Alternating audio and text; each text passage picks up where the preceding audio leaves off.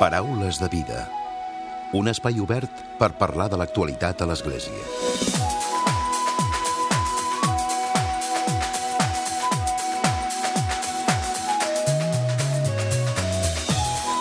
Què tal? Salutacions i molt bon dia, molt bon diumenge. El moviment de centres d'esplai cristians catalans organitza una nova trobada de joves i adolescents. La Troca Jove 2017 es farà el proper cap de setmana, els dies 25 i 26 de març, a Gramunt.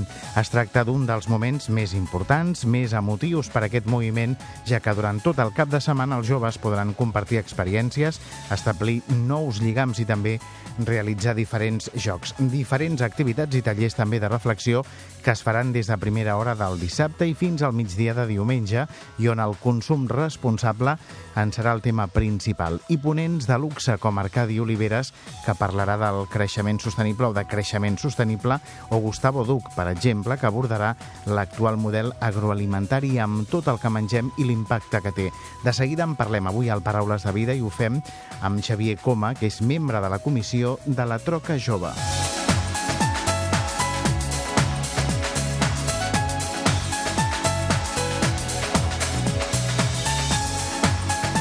Tancarem, com sempre, el programa amb el comentari de l'actualitat de Francesc Romeu, que avui parla dels 4 anys del papa francès al capdavant de l'Església. Comencem.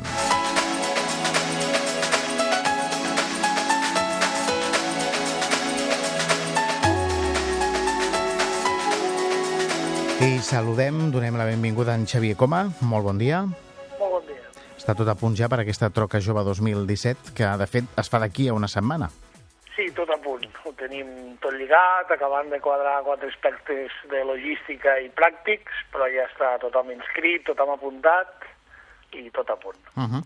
Ho hem dit a la portada. Enguany, el tema principal d'aquesta trobada de joves és el consum responsable. Sí, sí, sí.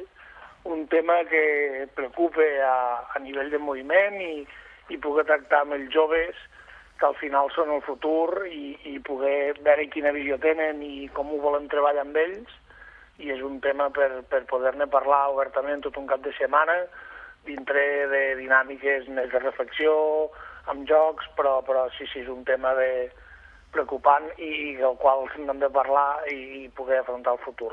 Uh -huh. Ara parlàvem, consum responsable, parlem també d'un dels ponents que, que hi serà present, l'Arcadi Oliveres, que ell parlarà del decreixement sostenible o el creixement sostenible. No? Farà aquesta pregunta i a partir d'aquí argumentarà durant un dels tallers, una de les trobades amb els joves, important, no? la, la presència d'Arcadi Oliveres pel que representa.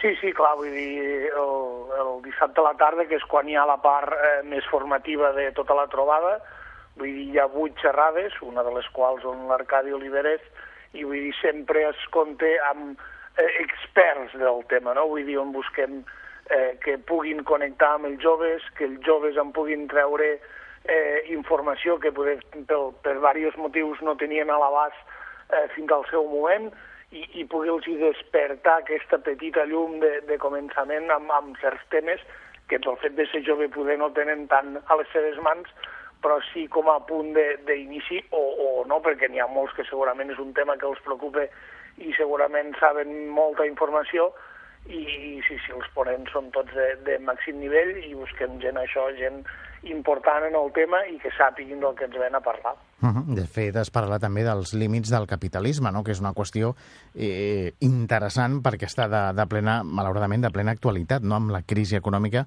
i quan a, a vegades doncs, costa, costa entendre no? per què està passant tot el que està passant i quan tenim un sistema que és el capitalista. Sí, sí, que al final són temes de, de màxima importància per nosaltres, viscuts des del món de l'esplai, vull dir, i tractats eh, pels joves. Vull dir, el capitalisme és un problema global on ha existit i, i malauradament eh, té que veure que continuarà existint i l'hem de poder tractar i afrontar amb, amb situacions mm. vull dir, diàries i, i les han de poder afrontar i parlar-ne amb els joves, que són el futur. Parlem de com s'han plantejat aquesta, aquesta nova trobada de joves, en aquesta Troca Jove 2017. Comença tot plegat el dissabte? Sí, l'acollida és dissabte al matí a Gramunt, Bisbat d'Urgell, vull dir, hi ha un joc de benvinguda on, on poder conèixer el poble i poder conèixer els diferents espais on els joves amb monitors acompanyants gaudiran tot el cap de setmana, eh, abans de dinar del dissabte hi ha una inauguració més oficial, on hi ha els parlaments, la presentació de la trobada, eh, després a la tarda hi ha aquesta part de xerrades i tallers de reflexió més formativa, eh, tot seguit d'una eucaristia, eh, el sopar, una vetllada, on els joves s'ho passaran estupendament bé jugant, que és una part del molt important del que també anem a fer, i un concert de nit, perquè no deixem que una part de la gresca també és important. Eh, I el diumenge, vull dir, ens llevem eh, amb un esmorzar molt típic de la zona de Gramunt, fet per voluntaris d'una associació de dones, una activitat de matí també amb un gran joc, eh, dinar i cloenda i comiat i cap a casa. Uh -huh. De fet, els plantejaments de totes les trobades que es fan cada any combinen l'aspecte la, més formatiu però també lúdic, no? com deies tu ara, perquè de fet estem parlant de joves d'entre de, 15 i 18 anys. Correcte, correcte, sí, sí. El públic on va deixar la trobada aquestes, aquest tipus de, de joves d'esplai, de, de tercer d'ESO a segon de batxillerat, i sempre hi ha una part de reflexió, una part formativa, però també una part lúdica, amb la qual també s'hi dona molta importància i una part lúdica preparada, vull dir, no és una part lúdica ara surti i anem a jugar, no, no, vull dir, una activitat de matí, tant dels dos dissabte com diumenge, preparada amb uns valors darrere, amb unes fitxes de programació fetes, vull dir, on, on tot i jugant, vull dir, podem continuar aprenent. Què és el que poden aprendre els joves en aquesta part més lúdica, com comentes, Xavier? Part concreta més del dissabte sí que va ser una descoberta del poble de Gramunt, vull dir, al final el moviment és a nivell català, sí que hi ha gent que poder el coneix, però molts cops quan anem a aquest tipus de trobades, siguin allà on siguin, la primera part és conèixer el lloc on anem, eh, aprofitant també per conèixer la cultura que hi ha al lloc on anem, en aquest cas és a Gramunt, les diferents eh, llocs importants que hi ha al poble i també així aprofitem i és com una mica de descoberta de l'entorn on acabes passant tot el cap de setmana i, i així tots és més fàcil després a l'hora d'anar als llocs i la part del diumenge igual i és, és un joc en aquest cas és un trivial benament entendit eh, on la qual també continua treballant el consum responsable des de diferents eh, vessants però d'una part més lúdica. Uh -huh. Per tant, diguéssim que la part lúdica també aquesta integració de, dels joves en l'espai que en el qual estaran durant 48 hores, no? durant aquests gairebé dos dies. Sí, sí, sí. Uh -huh. Parlem també de, de com es preparen, de com es preparen aquestes trobades, perquè de fet hem de dir que són més de 800 joves, oi, de, de tot Catalunya, que són els que hi assistiran.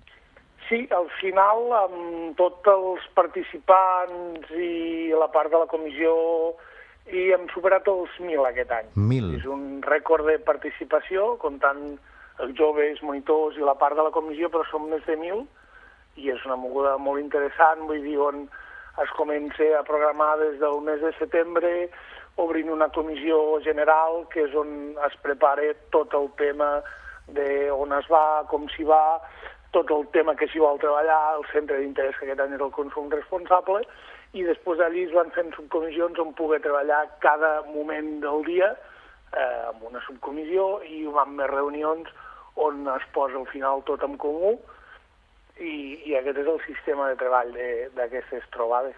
Quantes persones esteu al capdavant de, de l'organització i, i a nivell logístic, què és el que representa per vosaltres?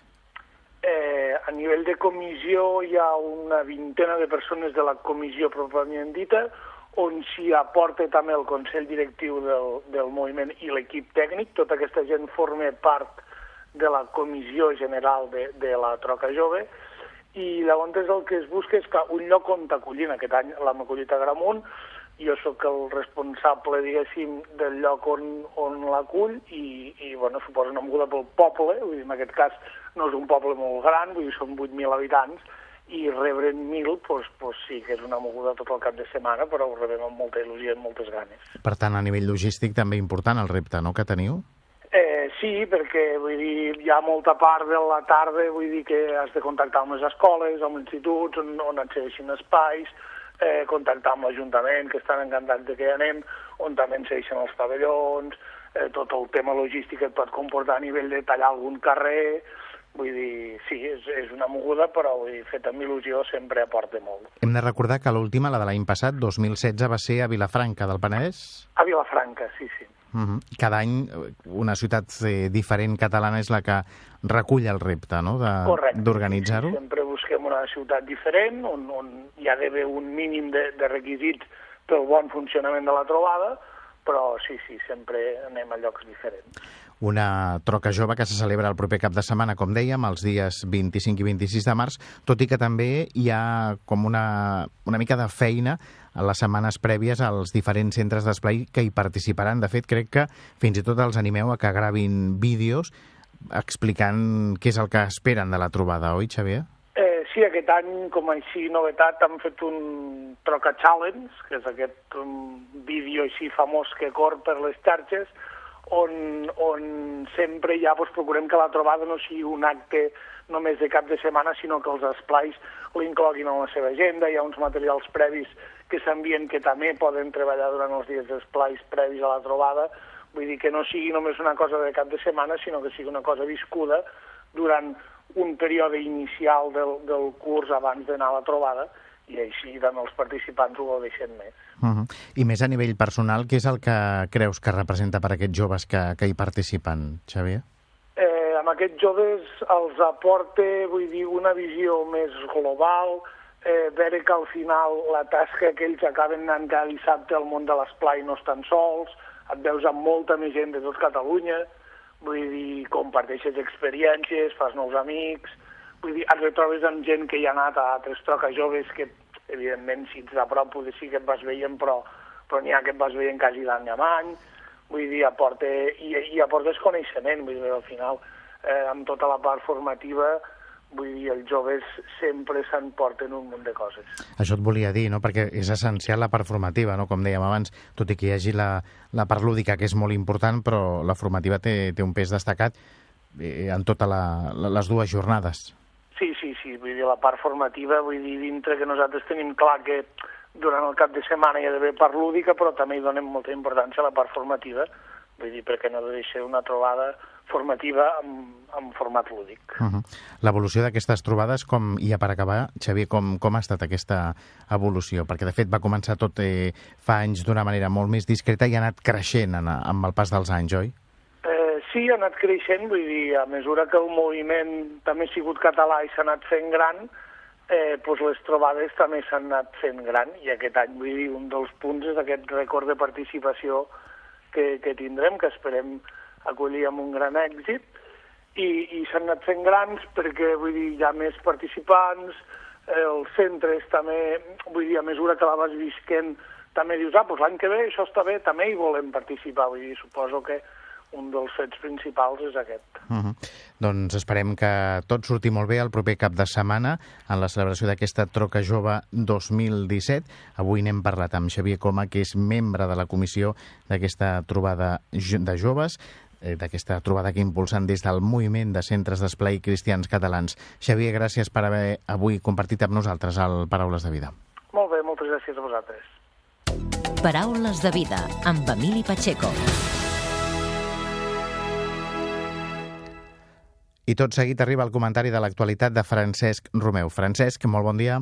Molt bon dia a tothom. Aquesta setmana ha fet ja quatre anys de l'elecció del papa Francesc.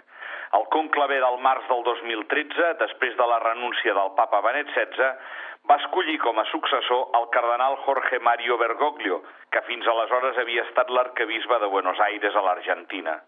Avui mateix, el dia de Sant Josep, ja fa els quatre anys de la cerimònia de l'inici del seu pontificat com a bisbe de Roma. Per molts que segueixen amb prou interès i bastant preocupació les reformes del papa Francesc, els hi sembla que quatre anys són pocs per consolidar tots els canvis que ell ha emprès, mentre que també n'hi ha d'altres que pateixen per la seva salut i la seva energia, la d'un home ja de 80 anys, o fins i tot encara hi ha qui pensa que el puguin matar seguint la teoria de la conspiració que dona per fet que el papa Joan Pau I el van matar l'any 1978, 33 dies després de ser escollit. Personalment penso que 4 anys és una molt bona fita. 4 anys són una legislatura. Molts dels líders polítics del nostre món solen tenir mandats de 4 anys, corresponents als espais que hi ha entre unes eleccions i les altres. Per tant, molts dels líders solen treballar en projectes de 4 anys i són avaluats en aquest espai de temps. Dic això per poder afirmar que amb aquests quatre anys s'ha consolidat ben clarament el lideratge del papa Francesc i s'ha pogut veure ben clarament cap a on vol ell portar la barca de l'Església. En molts aspectes el papa Francesc no parla d'un projecte personal seu, sinó que fa clares referències al que els cardenals havien assenyalat que volien per l'Església en les reunions, les congregacions que havien fet abans de tancar-se en el conclave. Justament per fer això, el papa francès va crear ben aviat una comissió de nou cardenals, el G9, per fer aquest seguiment de la reforma, com per exemple en el que afecta la reforma de la cúria i la reforma en la transparència econòmica del Vaticà. Amb aquests quatre anys, el papa francès s'ha convertit en un autèntic i reconegut líder mundial, i no sols un líder religiós, com ho pot ser també el Dalai Lama, sinó també en un líder social – la veu del papa Francesc que es fa escoltar quan parla del món i dels problemes que hi ha, quan es preocupa per l'equilibri mundial, per la sostenibilitat i l'ecologia, o quan denuncia la guerra per causa de la injustícia que hi ha en els països pobres o pels interessos en les vendes d'armament. Això ho ha fet tant al Congrés dels Estats Units com en la seu de les Nacions Unides.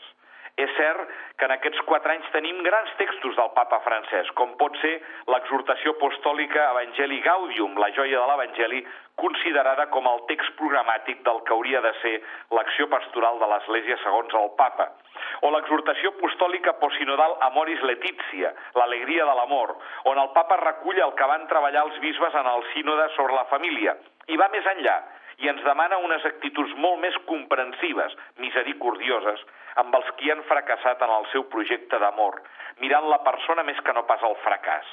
Però sobretot tenim l'encíclica Laudato Si, lloat sigueu. Recordem que una encíclica és el text que té més valor doctrinal dins d'un ampli ventall del magisteri d'un papa.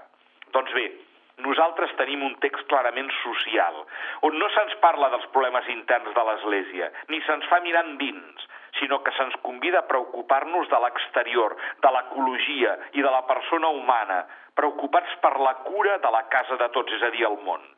En aquests quatre anys també hem de reconèixer que el papa francès, vingut de les antípodes de l'Argentina, s'ha convertit en un líder europeu. Ho avala prou el Premi Carlemany que va rebre el maig de l'any passat, amb un discurs on el papa francès que es preguntava «Què t'ha passat a Europa?» Fent referència al seu passat gloriós en el camp del pensament i la política mundial i veient l'actual desconcert amb el tema de la immigració i els refugiats. Però també ho avala la seva preocupació, que es mostra clarament en els seus viatges als llocs conflictius, a les illes de Lampedusa, Itàlia, o la de Lesbos, a Grècia. Les paraules del papa ara són escoltades en les grans cancelleries europees, però també són escoltades per una gran part de la població europea que voldria una altra actitud de part dels seus governants, sobretot pel que fa a l'acollida dels refugiats. Molt bon diumenge a tothom.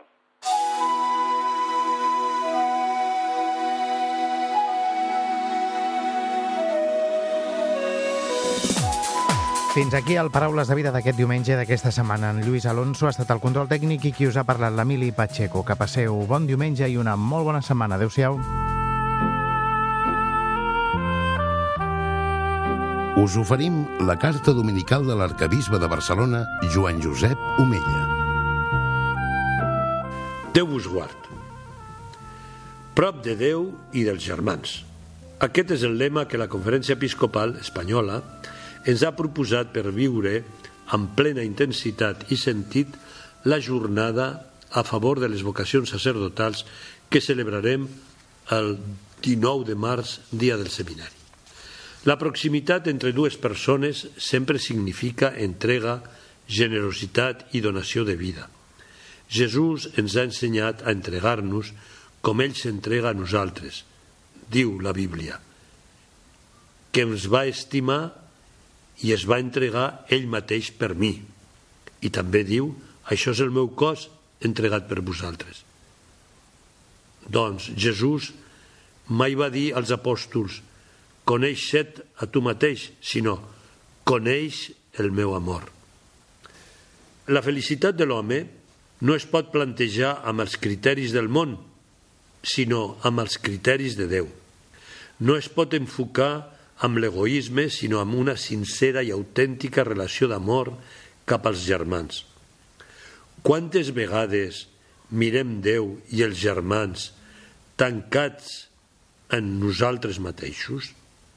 No hem de tenir por d'obrir-nos a la presència de Déu ni en l'entrega als germans. La trobada de cor a cor il·lumina la vida amb l'amor de Déu. Hi ha una trobada personal i hi ha una llum que ens il·lumina i ens supera. Només llavors acceptem amb fe el que el Senyor ens manifesta. Això és el que marca una vida. Cal aprendre a mirar cada home des del cor de Déu amb aquesta actitud i amb aquesta mirada corresponent a l'amor de Déu. La conversió de l'home pecador es dona en experimentar aquest amor contemplant Crist i obrint-se al seu cor mans i humil. En el cor de Crist se'ns revela el cor de l'home. La maduresa de la vida cristiana consisteix a aprendre a mirar cada persona des del cor de Déu amb una permanent simpatia cap a tota la creació. Demanem al Senyor que no faltin joves que responguin a la seva crida per ser sacerdots, servidors de la comunitat, instruments de l'amor de Déu cap a totes les persones. I acompanyem els nostres seminaristes perquè segueixin avançant amb generositat en el camí emprès, que no tinguin por, ja que ser sacerdot és una vocació i un servei preciós.